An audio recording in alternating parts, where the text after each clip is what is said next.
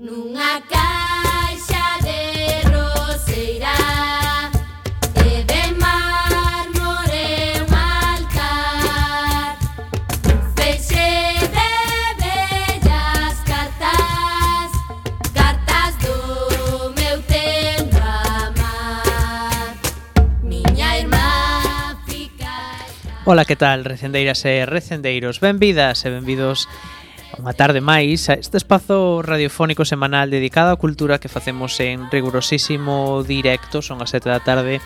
Estamos aquí na CUAC FM a 103.4, a Radio Comunitaria da Coruña.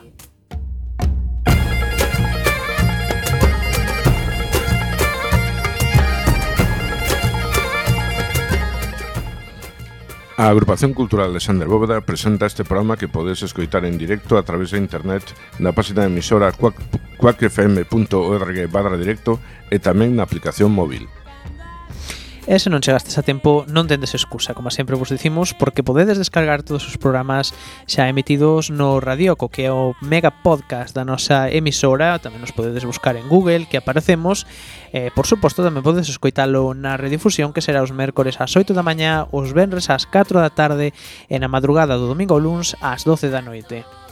E a partir de agora, seguirenos nas redes sociais, tanto deste programa Recendo como da propia agrupación cultural de Sander Bóveda, que teñen abertas as súas canles en Instagram, Twitter e Facebook ou na web www.acealexandrebóveda.gal.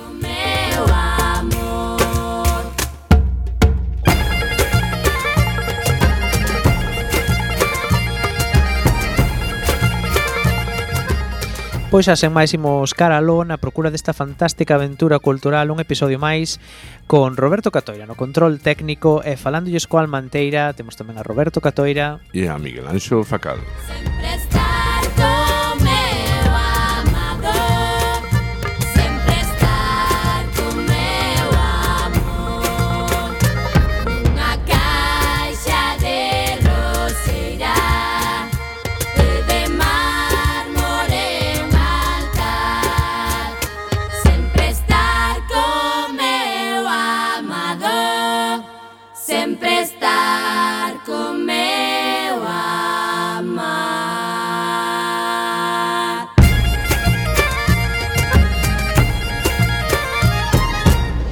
Este é o programa número 414. Hoxe contaremos como convidada con Maite Isla, presidenta da Asociación Solidariedade Galega co Pobo Saharaui, coa que falaremos de todos estes temas e de, obviamente tamén da asociación. Como sempre, falaremos das actividades da nosa agrupación e das outras cousas que se fan na Coruña e na Galicia que tamén son cultura. E hoxe imos facer un pequeno cambio no programa porque imos comezar coa entrevista. Así que para as axendas ides ter que esperar a parte final do programa, así que non vos vaiades Eh, que temos hoxe de música, Roberto? Pois a música non a cambiamos de orde Vai, imos escoitar un poquito de música agora E xusto despois eh, falamos con Maite A música de hoxe eh, No ano 2012 Un grupo andaluz chamado A Mesma Lúa Sorprendía no país presentando un disco homónimo No que moitas das súas cancións Eran versións flamencas de cancións tradicionais galegas Todo isto debíase principalmente a que súa cantante, Manuela Helena, é filla de galegos e adora a nosa música tradicional. Presentamos a primeira peza de hoxe, titulada A mesma lúa, que dá título ao disco. A mesma lúa é a mesma lúa A mesma lúa é a mesma lúa A mesma lúa é a mesma lúa A mesma lúa é a mesma luna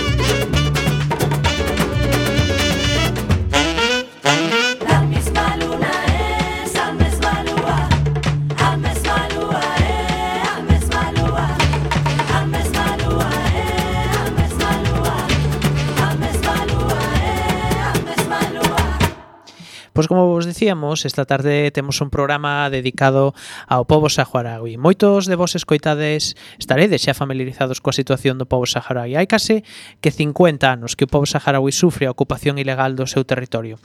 De bandita ocupación chegou a unha guerra entre o fronte levou a unha guerra, perdón, entre o fronte polisario, o movimento para a liberación e a autodeterminación do povo saharaui e Marrocos. O conflito provocou o éxodo dunha boa parte da poboación saharaui que agora mesmo vive en campamentos de refugiados na zona de Tinduf, na fronteira alxeriana co Sahara Occidental, así como a construcción dun muro que divide o territorio saharaui. Este muro é coñecido como o Muro da Vergoña. Esta situación xa difícil difícil de por sí para o povo saharaui ven de agravarse debido ás decisións que do Estado español moi recentemente, ademais, prácticamente o único aliado do povo saharaui na súa loita pola autodeterminación. Este mesmo verán, o presidente do goberno español aceptaba os plans de Marrocos para converter o Sahara Occidental nunha provincia autónoma do seu territorio. Isto supoñía, por tanto, unha traición en toda regra aos intereses saharauis. Ainda que postura o goberno español supón un duro golpe ás aspiracións lexítimas do povo saharaui, somos moitos os que dende o Estado español seguimos apoiando os saharauis. Un bo exemplo disto son os nosos convidados de hoxe, a Asociación Solidariedade Galega co Povo Saharaui. Fundada no ano 91, aínda que con outro nome, o seu traballo está enfocado a dous obxectivos principalmente. Por unha banda, a concienciación da situación e das reivindicacións dos saharauis a través de diferentes actividades e pola outra banda fornecer de axuda aos refugiados nos campamentos de Tinduf. Esta cooperación co povo saharaui busca tanto prover axuda humanitaria de emerxencia, así como colaborar nos diferentes proxectos de formación e axuda sanitaria. Todos estes proxectos realízanse en estreita supervisión e colaboración coa Delegación Saharaui para Galicia, a Media Lúa Vermella e as diferentes institucións do goberno saharaui. Pero para contarnos máis sobre o traballo da Asociación de eh, Solidariedade Galega co Povo Saharaui, coñecida popularmente como SOAPS, temos hoxe connosco a nosa, a nosa querida presidenta Maite Isla. Moi boa tarde, Maite. Hola, que tal? Boa tarde eh, encantados de estar aquí contigo hoxe. Eh, un pouco a túa xenda eh, fai que cambiemos nos o noso programa, pero estamos tan encantados de que poidades contarnos cousas sobre a vosa actividade que non temos ningún problema en, en cambiar lixeramente a estructura do noso programa. Eh, para comezar, eh, como se orde, como se ordeu aí 30 e pico anos a idea de crear unha asociación como a vosa? Xa fai máis de de 30 anos, xa no ano 89, Pío, Pío Moa, conjuntamente con outros compañeiros, organizaban en Vigo xornadas sobre o Sáhara Occidental e sobre Palestina. E eu fun a, precisamente a unha desas reunións.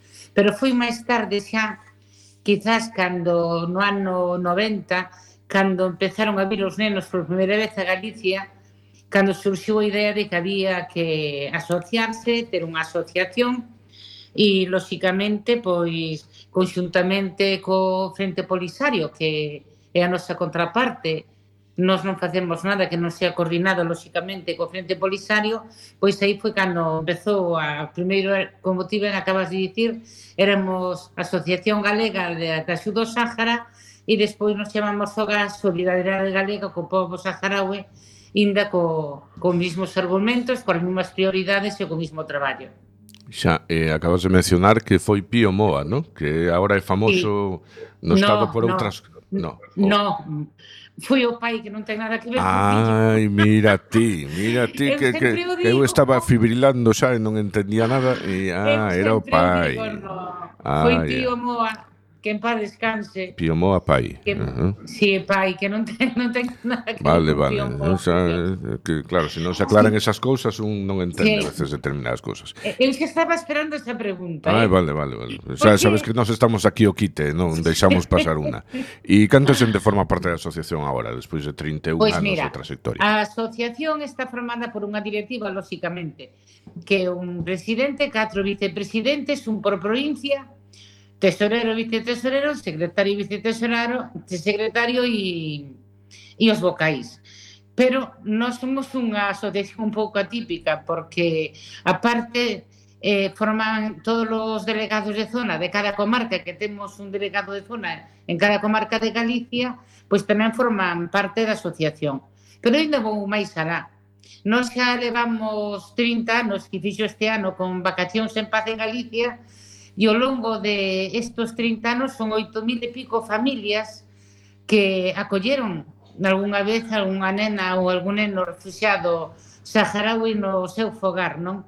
Pois estas 8.000 e pico de familias, lóxicamente, se implican en todas as actividades, están en contacto directo con nós e para nós tamén, lóxicamente, forman parte da asociación, o mismo que moitas institucións de Galicia, eh, exactamente igual, concellos, Xunta, Fondo Galego de Cooperación, algunha diputación, que tamén, pois, a verdade é que contamos co seu apoio constante. Eh, e as como... universidades, non ah. me podo esquecer do tema das universidades.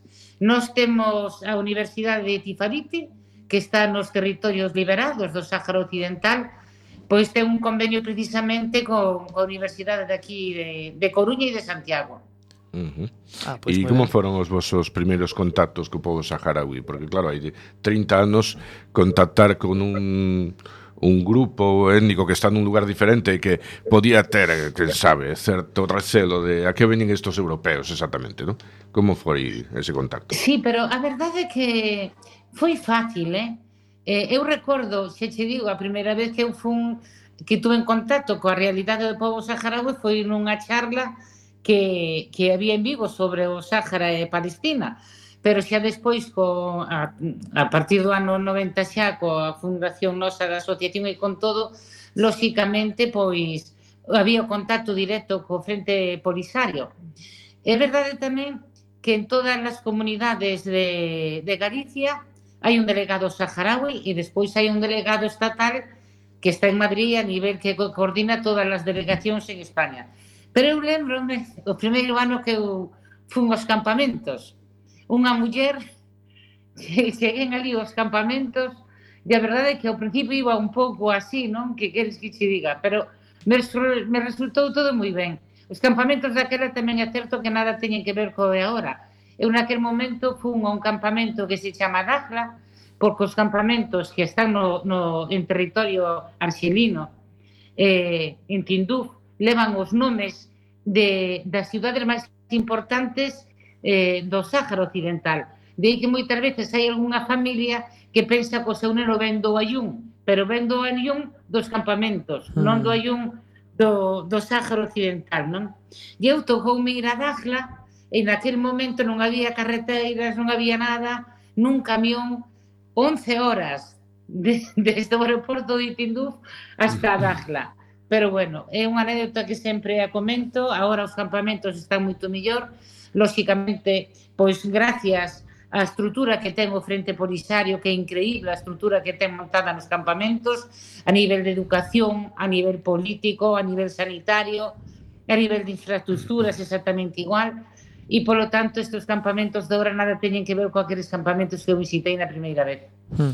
Eh, Maite, eh, bueno, temos que decir que estamos conectando con Vigo, verdade? Que antes non o dixo Roberto, está funcionando todo correctamente. En cualquier FM que... Eh, sempre funciona ben casi todo. Perfecto. eh, eh, agora que Maite falou dos campamentos, eu creo que é un bon momento para introducir xa o tema. Eh, e ti cantas veces foches eh, ala entón, Maite? Puf, pois eu fun moitas, moitas veces, xa máis de 50 veces, lóxicamente, que fun os campamentos. Ademais, que acabo de chegar, como quen dice. Ah, pois mira, xusto... Na... Xusto sí, che iba a preguntar tuve, que nos contaras un pouco como son as condicións de vida ali, non? Mira, tive a oportunidade agora de viaxar co Fisájara, e non sei se coñecedes o Fisáhara, o Fisáhara pois é un grupo de artistas como os irmáns Bardén e outros máis que viaxan aos campamentos e, a, e ali pois montan películas, montan de todo. E eu tamén tuve a oportunidade nesta ocasión de visitar, de, de ir con un galego que eu quero moito, que Iván de Payasos en Rebeldía, uh -huh que fai un traballo increíble e bueno, e tamén con Amaral, que o grupo Amaral foi aos campamentos agora a cantar e Eva, a da Amaral, vive en Galicia, o sea que sin, sin saber vive nunha aldea de, de Sober, de Lugo, e, e a verdad con a rapaz extraordinaria fixeron un traballo increíble, non? Estes campamentos agora nada teñen que ver con aqueles.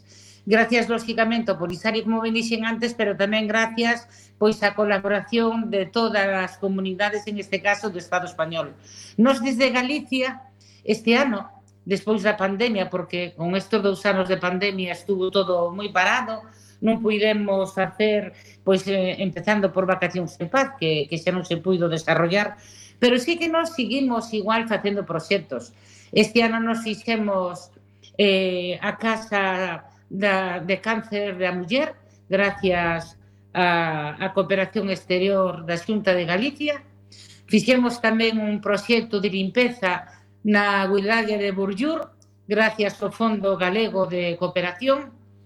Fixemos tamén eh, un proxecto para todas as wilayas, para o Ayun, Esmara, Dazra, para todas elas, de material eh, de higiene para a muller, gracias tamén á cooperación da Xunta de Galicia, de Vicepresidencia, Eh, conseguimos tamén facer levar a cabo eh, nos que vamos a caravana de alimentos que este ano non fixemos a caravana pero sí que mandemos igual os alimentos e medicamentos que cando viñeron aproveitando os avións dos nenos que marcharon en setembro, os enviamos para lá, non? Mm. E bueno, estamos con, fixemos lóxicamente o, o proxecto de, de vacacións en paz. Mm. Fomos a terceira comunidade eh, en, de España en número de nenos, a primeira foi Andalucía, a segunda foi Cataluña e a terceira fomos nós. Vigo foi o Concello de España que máis nenos truxo, sempre era Sevilla, este ano foi Vigo, o Concello de España que máis nenos truxo. E bueno, e agora xa estamos preparando o programa de vacacións en Pado ano que ven. Estes días xa tivemos varias reunións.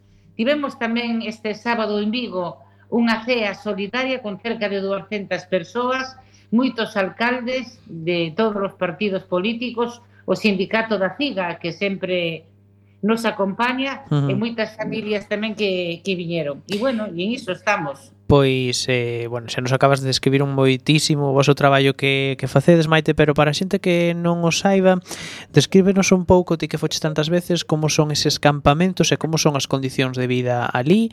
Eh, polo que dis, entendo que xa melloraron cos anos, non? Pero se imos ali agora a un campamento, como son as condicións de vida ali? Pois mira, as condicións de vida son tremendas, porque non podemos esquecernos que é un terreno totalmente inhóspito e o papel da muller é fundamental.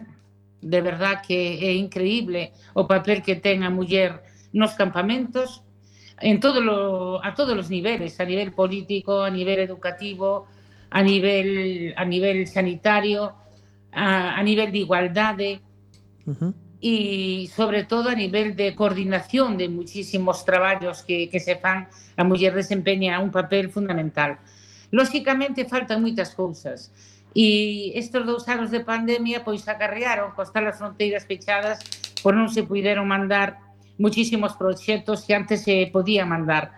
Nestes momentos hai falta de alimentos, hai falta de medicamentos e hai falta de moitas cousas, pero eu digo sempre eh, o povo saharaui é un povo forte, é un povo que resiste, que non pense Marrocos que, que se van a, a cansar e o único que nós queremos é, é que o povo, o povo saharaui recupere o que por xustiza lle pertenece, que non é nada máis ni nada menos que o seu Sáhara Occidental.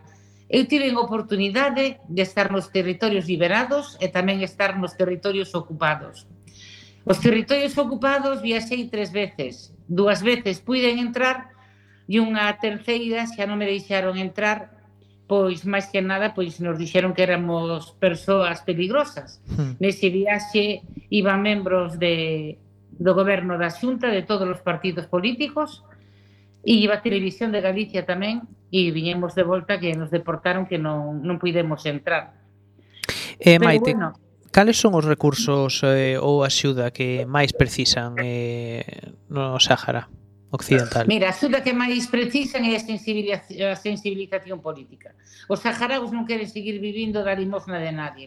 O Sahara Occidental é, é, é rico, en, ten riquezas moi grandes, en, empezando xa pola pesca, a maior parte do pulpo que moitas veces comemos aquí en Galicia é tan bo que pensamos que é galego, inda que pon de Marrocas e de Dazla, xa. e así con muchísimas cousas. Por lo tanto, o que necesita o povo saharaui é que fagamos moita forza para que poidan volver a súa terra. Claro. Mentras tanto, lóxicamente, agradecen toda a axuda humanitaria que lle poida chegar, porque senón sería imposible supervivir nesas condicións. Mm. Nos precisamente se aproveito tamén para comentarvos que este sábado, día 12, en Madrid, temos unha manifestación en donde de Galicia xa temos varios autobuses xeos e donde vamos a enchelas as rúas todas de, de Madrid, de Madrid é unha manifestación que facemos que se convoca todos os anos e que a reivindicación non pode ser outra que a, que a recuperar un Sáhara libre que é polo que estamos luitando. Mm.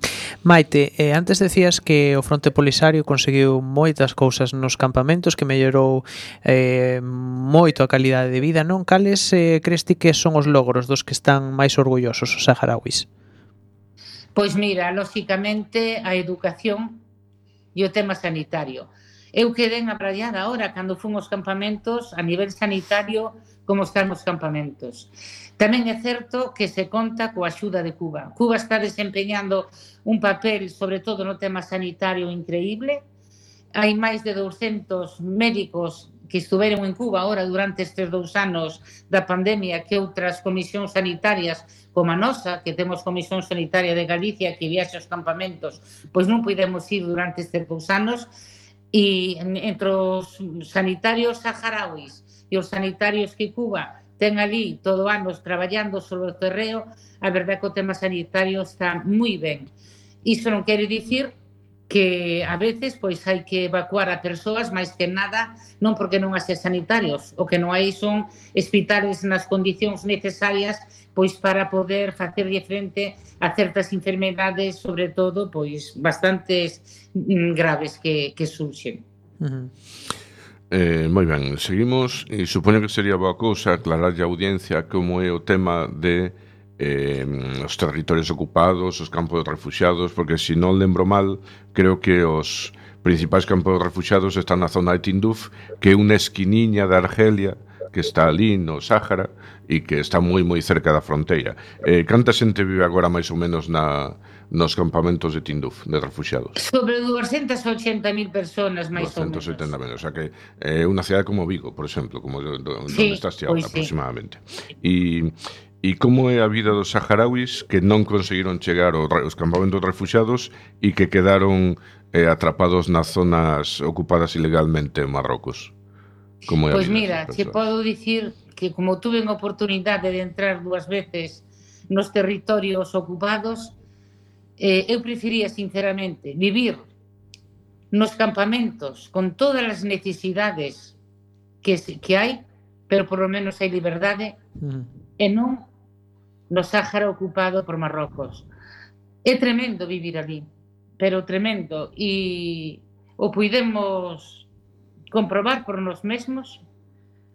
A policía que non te deixa nin respirar, nin respirar.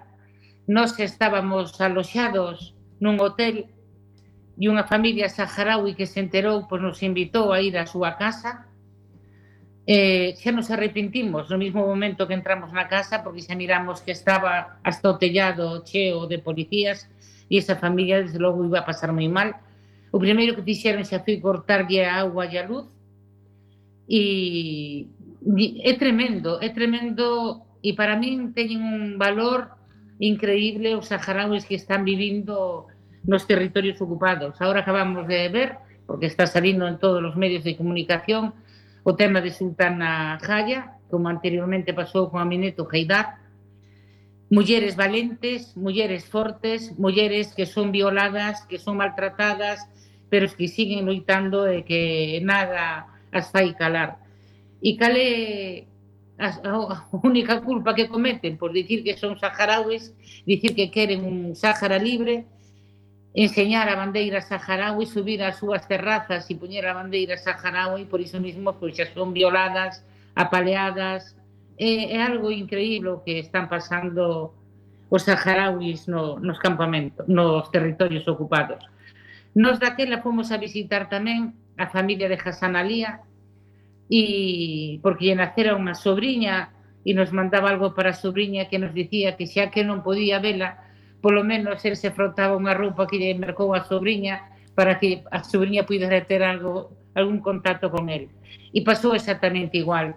A policía non paraba e, e bueno, pas, o pasamos, eu pasei medo. Eu só pasei medo dúas veces. Unha foi precisamente nos territorios ocupados e outra foi en Rabat cando asistín a un xuizo dos presos políticos saharauis pasei medo, pero a veces me sentín forte, que non sei como explicarme, porque me din conta de que merece a pena loitar polas causas xustas. E a causa saharaui, de verdad, que me crean todos os oyentes, que é unha das causas máis xustas que neste momento temos. Hai moitas, por desgracia, non? Pero é na que, na, a que coñezo, na que estou, e na que convido pois a todas as galegas e galegos que, que coñezan un pouquiño a causa do povo saharaui, que merece a pena que nos enriqueza ademais a nivel humano en todos os sentidos e que nós desde a asociación pois aquí estamos pois conxuntamente coa delegación do Frente Polisario en Galicia para dar charlas, explicarlle a calquer persoa algunha dúbida que teña sobre estes temas. Xa, non, a verdade que vendo os enemigos que están en contra, pois a verdade que dan ganas de unirse a causa saharaui, dende logo. Unha breve preguntiña antes de que recolla o, o testigo, o meu compañero Miguel Anxo. Eh, cantas víctimas puido ocasionar a ocupación e guerra contra Marrocos? en todas estas décadas? Pois mm, miles de, sobre todo cando foi no ano 75 da Marcha Verde, miles e miles de de persoas que morreron, pero a guerra continúa. Uh -huh. E a guerra sigue estando, que de momento, por moito que se quede ocultar, a guerra sigue estando.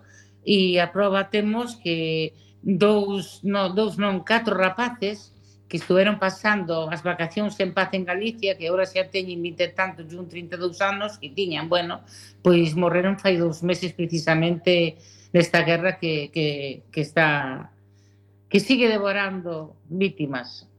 Uh -huh. Maite, eh, antes decías que é importante concienciar a poboación non eh, sobre a situación do povo saharaui. Eh, cales son as actividades que organizades vos para dar a coñecer esta a realidade do povo saharaui eh, que moitas veces parece que se obvia, non? Eu creo que é iso de que a xente que ten un color de pe, unha cor de pel diferente a nosa parece que as súas realidades son os máis alleas, non? Pois sí, mira, nós é un tema que ademais é unha prioridade para a asociación.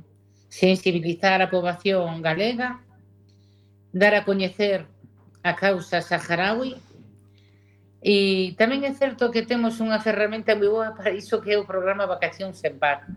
Pois moitas familias que descoñecían totalmente o problema do Sáhara, mm. gracias a acoller no seu fogar a unha nena ou neno saharaui son as primeiras persoas que nos acompañan en concentracións e manifestacións e, polo tanto, eh, damos moitas charlas durante o ano, eh, sobre todo en colexios, porque hai que empezar nos colexios, pero tamén damos charlas pois en cualquier centro que se nos pida, non? Mm. Eu aproveito tamén que se alguén me está escuitando en cualquier concello de, de Galicia e que, que nos convoquen, que nos axuden a convocar algunhas charlas para falar sobre o tema do Sáhara, encantados de facelo. Nas universidades tamén vamos ás universidades e, polo tanto, pois é o día a día. Pero tamén é certo que gracias aos medios de comunicación como vos, é a única maneira que temos tamén de chegar moitas veces a moitos fogares. Mm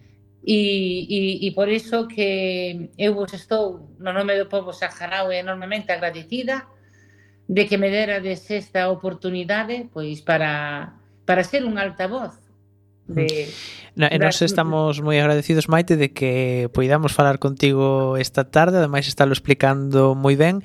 E decías antes que Galiza é a comunidade, eh, a terceira comunidade eh, que máis nenos e nenas saharauis reciben, non? Eh, notades que os galegos somos particularmente receptivos ante a situación pois do povo saharaui?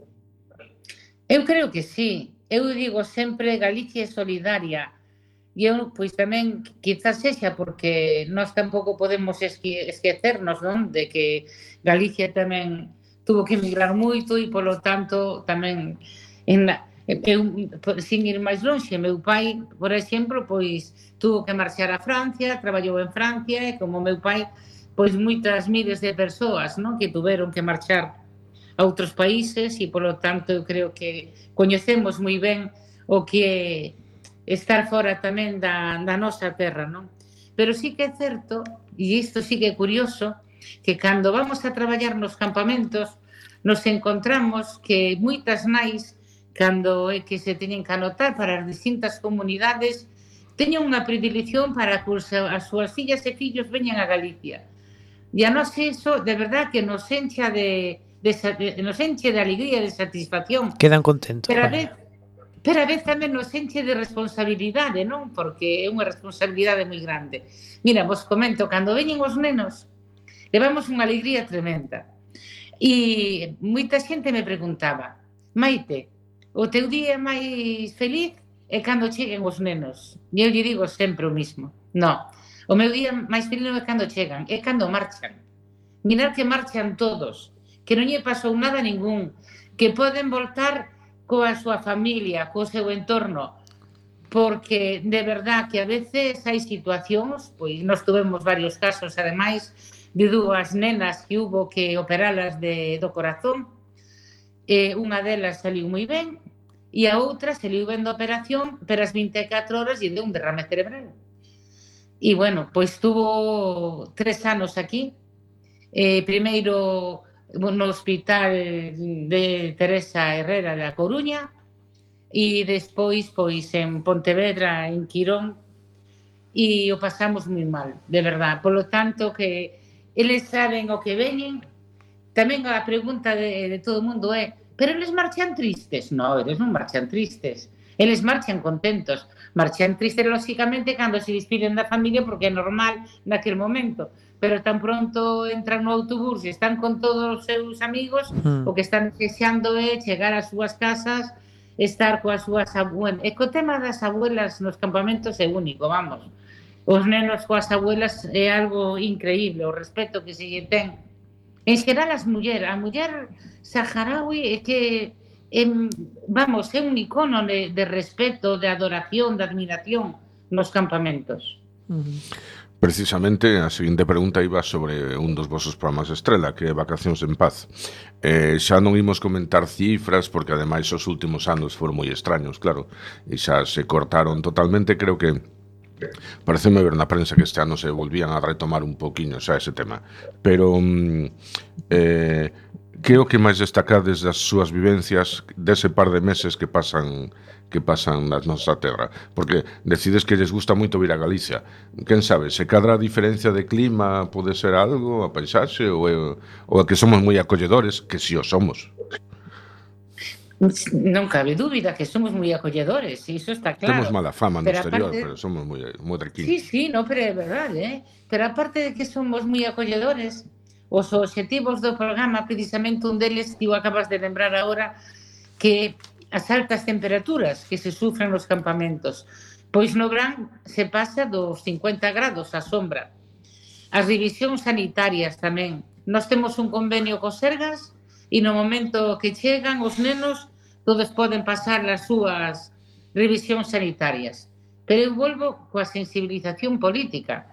Se os mellores embaixadores que ten o povo saharaui, precisamente, son os nenos e nenas que salen cara brán dentro do programa Vacacións en Paz. Pero nosa parte do programa Vacacións en Paz, temos outro programa tamén que se chama Madrasa. O proxecto Madrasa é o contrario de Vacacións en Paz.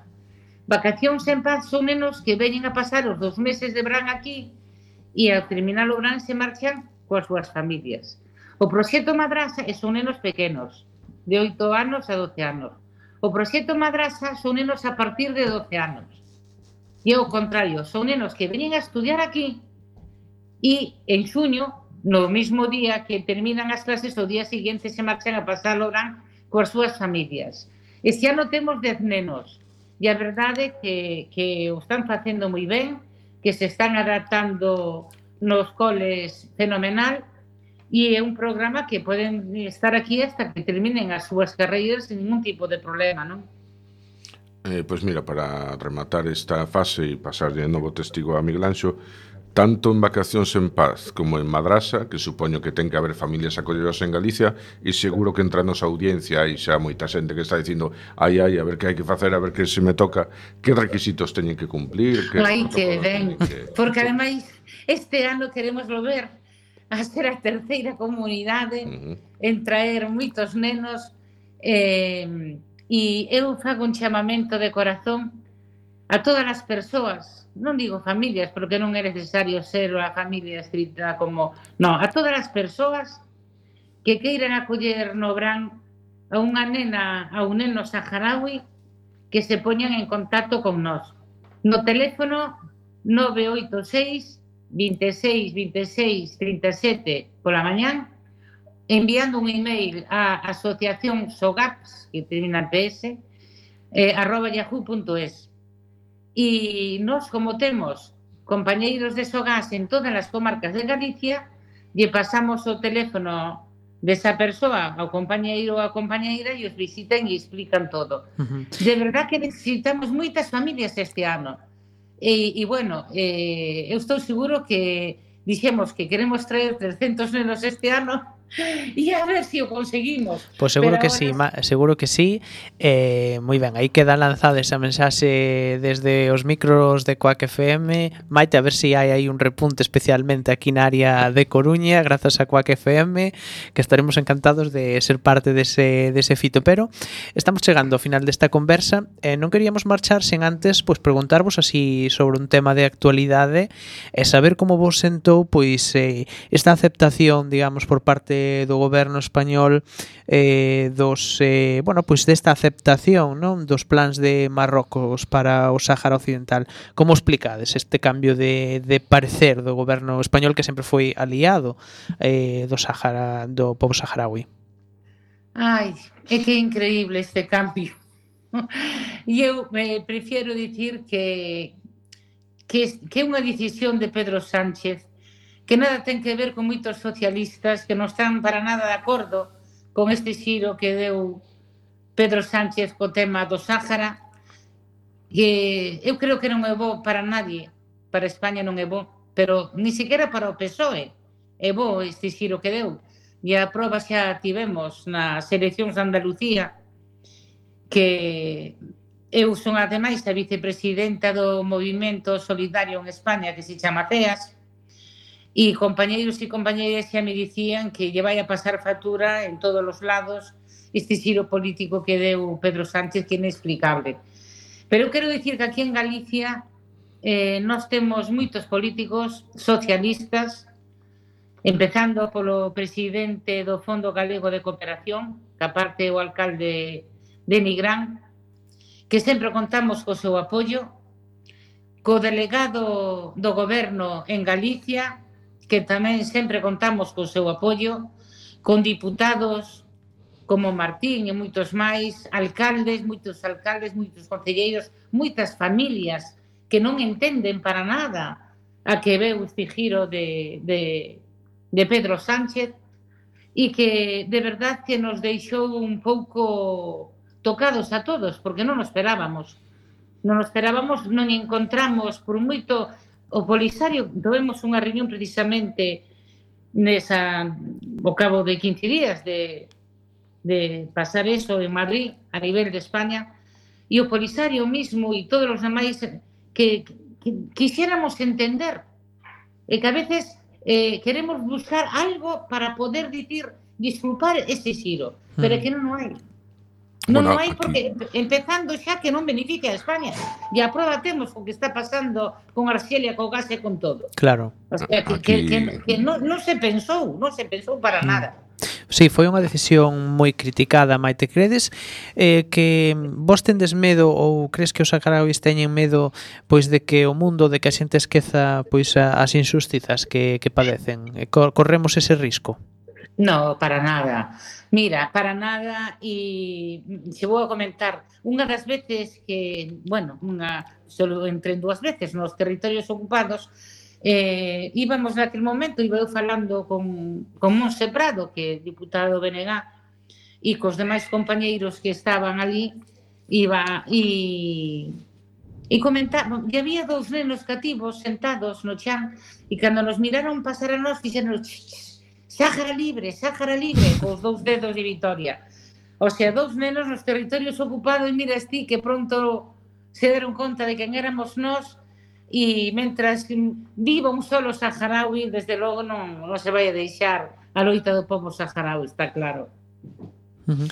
Ben, aquí entre nós na intimidade que ao mellor nos escoitan miles, millóns de persoas, pero casi non se entra ninguén, eh, Pedro Sánchez en fama de cambiar de opinión con certa frecuencia, tanto, quen sabe, ao mellor volve o Rejo dentro de pouco e, e nos dá unha alegría.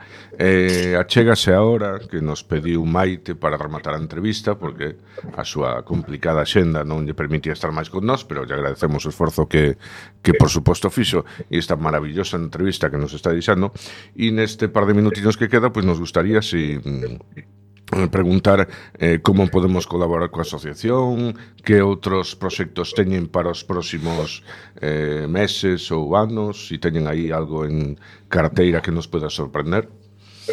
Mira, a mellor forma é esta xa, esta oportunidade que, que tiven hoxe de, de poder estar aquí, que son seguro miles de persoas, de oyentes que nos están escritando, quero dicir que me sentín totalmente cómoda, que se pasou o tempo antes do que se esperaba que aquí estamos pois para que todo que necesitedes e que nosa forma de colaborar pois é esta, axudarnos a, a divulgar, a dar a coñecer e agora pois si co tema de vacacións en paz, pois felices e contentos de que seades tamén unha ferramenta nosa de traballo mm. para poder chegar a fogares e que consigamos sacar no verán os 300 nenas e nenos que, que pois, queremos eh, Pois Maite, nós temos que decir que xa levabades na nosa lista de uh -huh. Mm, posibles bueno, entrevistadas dende hai moito tempo, así que estamos mm. moi alegres de que ao final puidese ser e aproveitamos pois esta este momento no que, como decíamos antes, pois este cambio de parecer, non, do goberno español pois deixou sorprendida a moita xente, non? Incluso a xente que moitas veces non eh, parece que non eh, bueno, pois non eh, está eh, a favor da causa saharaui, non? Quedou bastante sorprendida tamén. Así que nada, Maite Isla, presidenta da eh, do Solidade co Pobo Galego, moitísimas grazas por eh, ter estado hoxe aquí en Recendo, en Coac FM, en directo na 103.4 da Coruña. Grazas de corazón a vos, viva un Sáhara libre, viva o Frente Polisario, viva Galicia Solidaria. Moi ben, grazas, gracias, Maite. Eh. Unha aperta. Unha aperta. E agora seguimos ca xenda cultural da cidade, da asociación e de todo iso. Vai a xenda. Efectivamente.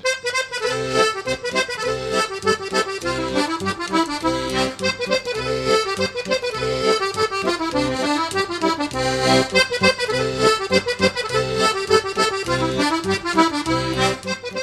Pois comezamos, como sempre, coa xenda da nosa asociación e comezamos por mércores 9 porque presentamos o libro de Paulo Fernández Mirás Estado de Mente con Razón, publicado por a través editora. O autor foi o responsable das antoloxías poéticas de Ricardo Carballo Calero e Ernesto Guerra da Cal, publicadas na Través Editora e da biografía de Ricardo Carballo Calero publicada na editora Irindo. É profesor de Lingua e Literatura Galega e académico correspondente da Asociación Galega de Lingua Portuguesa Esa será a sete e media no noso local.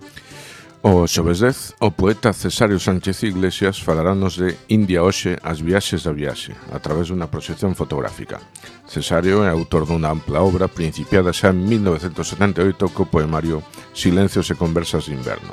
Foi director de edicións a nosa terra e presidente do seminario do mesmo nome, do semanario, perdón. É presidente da Asociación de Escritores en Lingua Galega. O seu último libro publicado é a árbore que dá as lágrimas de Xiva, por Xerais. Eh, estaremos con el este xoves ás sete e media da tarde no noso local. E apuntade porque o Benres 11 teremos no noso local unha mesa redonda sobre políticas públicas contra a violencia machista. Contaremos con Silvia Cameán, abogada e concelleira da María Atlántica, Mercedes Queixas, profesora e deputada no Parlamento Galego polo Bloque Nacionalista Galego, e Paloma Castro, abogada e deputada no Parlamento Galego polo PSDG. Será ás 7 como xa dixemos, no noso local da Rúa Olmos. E o sábado 12, unha actividade na que participamos, pero ollo que non é no noso local. A Fundación Luis Xoane acollerá a presentación da serie documental Lenzos e Partituras, un proxecto impulsado pola Asociación Cultural AIS e a Asociación Cultural Alexander Bóveda, que reúne artistas e músicos contemporáneos. É unha webserie documental que nace co objetivo de establecer canles entre a música e as artes visuais do século XXI, o, compos o compositor Hugo, Mes Hugo Machado e a actriz eh, Chus Álvarez son o director e guionista do proxecto respectivamente. O acto de entrada libre, previa reserva no teléfono 981 216 015.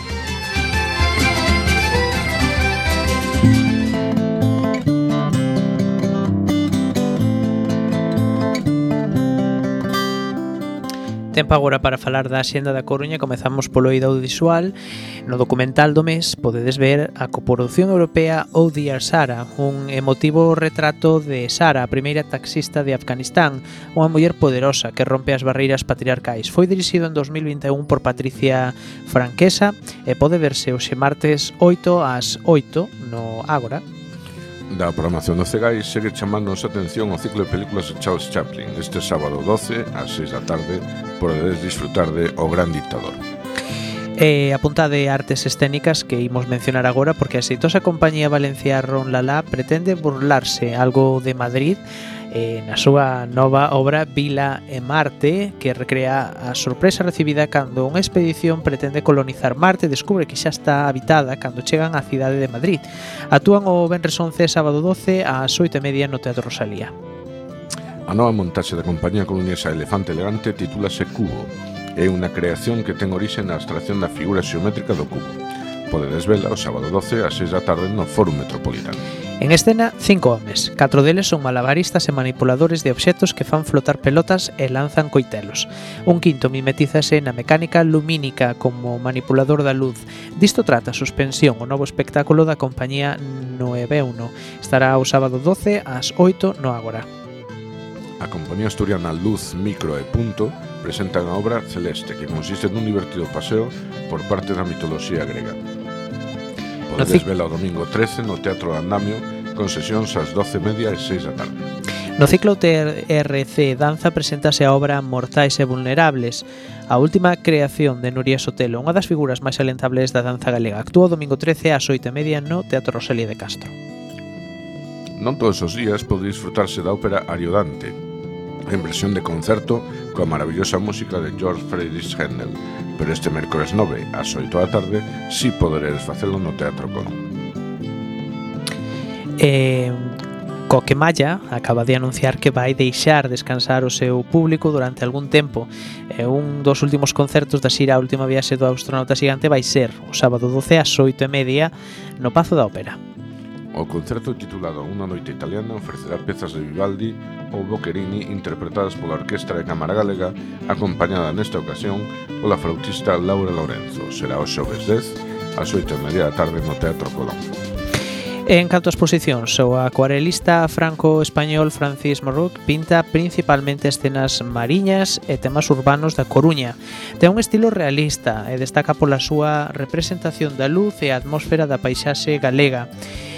Podemos ver a súa exposición a contraluz durante todo este mes na sede de Arga, na rúa Costa Rica número 1.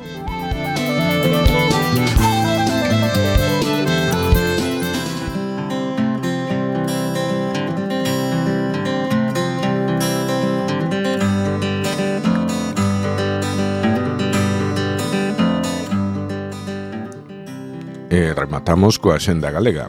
Comezamos por Ferrol. O grupo andaluz Derby Motoretas Burrito Cachimba, un grupo con de nome interesante, formado no 2018, pretende capitanear unha nova regeneración do rock español que bebe de diversas fontes de inspiración como Black Sabbath e Rage Against the Machine. Actúan o sábado 12 ás 8 e media tarde no Teatro Jofre. Amistades Peligrosas é un dúo musical formado por Cristina del Valle e Alberto Comesaña. Xa se perdeu a conta das veces que se xuntaron e separaron, pero volven a estar xuntos e actúan o sábado 12 ás 11 no Andén Athletic Beach Club de Lugo. Unha nova reunión de Amistades Peligrosas. Eh, saltamos a Vigo. Isto é importante para os amantes do fútbol. Recortes, caneos e outras formas de driblar eh, non é unha obra de teatro máis. Tras o éxito de Fariña, Nacho Carretero volve unir forzas con Tito Sorei, José Luis Preto e Xosé Antonio Zouriñán neste espectáculo sobre o mundo do fútbol e todo o que o rodea. Actúan o sábado 12 e domingo 13 en varias sesións no Teatro A Fundación en Vigo, tras recordade. E a compañía Ibuprofeno Teatro segue de xira coa súa obra Smoke on the Water, unha historia sórdida sobre xente algo maior que insiste en seguir chamándose Richie Blackmore ou Janis Joplin, Podedes vela os xoves 10 ás 9 no Teatro Principal de Pontevedra. E seguimos a Campeiral, Santiago. Temos que Mallou é un dúo formado por Sabela King e Benjamín Vázquez. O seu repertorio comprende dende algunhas das grandes cancións populares da nosa música até composicións de colleita propia. Reinterpretan cancións de Suso Amonde, Amancio Prada, Xoan Montes e de Fran Pérez Narf, entre outros. Actúan os xoves 10 ás 9 da noite na Casa das Crechas. E agora sí, como sempre, o noso chimpaurense destacamos vos que polo San Martiño faise o magosto con castañas asadas e viño ou mosto, que di o refrán. Na súa orixe, o magosto era unha festa en torno ao lume, ás castañas asadas, coa que os galegos honraban as colleitas. Esta festa, que lembra San Martiño de Tours, patrón da cidade, converteuse en 2008 en Festa de Interese Turístico de Galiza. Celébrase o Benres 11 de novembro, recordade en Ourense. Moi ben, e lembraredes que sempre terminamos cunha vila convidada. Pois non, hoxe é un día diferente e o recendo diferente. Porque imos falar de que a compañía catalá Xirriquiteula Teatre visítanos na súa xira da obra laica Unha homenaxe á cadela máis coñecida da carreira espacial soviética. A compañía utiliza neste espectáculo técnicas tan diversas como as retroproxeccións animadas, títeres, autómatas, sombras e o traballo de actores que falan nun ruso moi singular actúan o sábado 12 pola tarde no Auditorio Municipal de Villa García e o domingo 13 pola mañán no Auditorio do Estobío de Gondomar.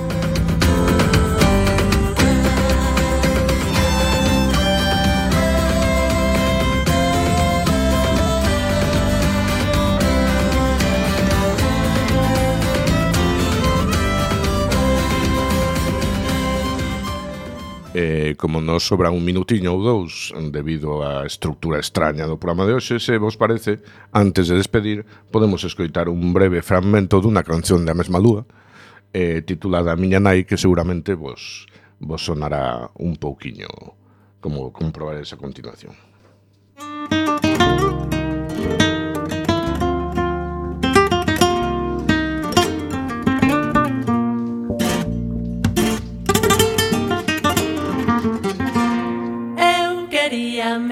casa.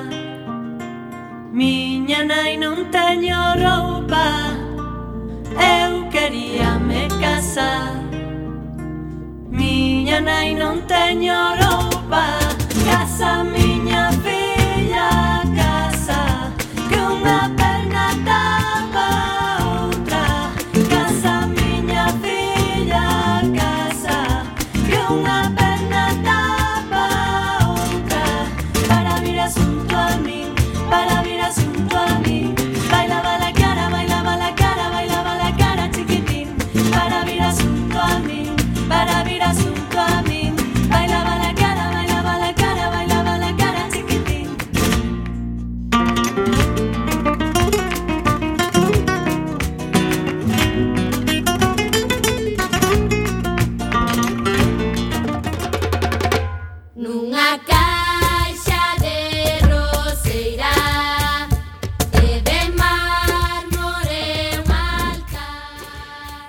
sen tempo para máis odiseas, imos chegando a fin do camiño deste recendo. Despedimos o programa de hoxe agradecendo os nosos convidandos que, como sempre, son de honra. Hoxe estivemos con Maite Isla, presidenta de SOGAPS.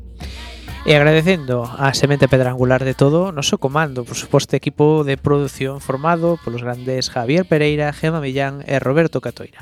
E aquí estivemos, Roberto Catoira, hoxe facendo aí malabares no control que tivemos os pequenos problemas técnicos, e tamén falando co alma no micrófono, Roberto Catoira e Miguel Anxo Facal, que tamén fixo moitos malabares na parte técnica, aínda que non o quero dar coñecer. E acompañándote neste recendo de palabras e de imaxes radiofónicas que nos traen este aroma cantado na nosa lingua e que nos permite hoxe e tamén no futuro a permanencia da palabra, da música e da implicación e compromiso coa nosa nación a Galiza. Pois ata o vindeiro martes, a iso das 7 da tarde, que será aquí en directo nesta emisora, coa que feme, xa sabedes, A 103.4 a Radio Comunitaria da Coruña e xa sabedes tamén que isto é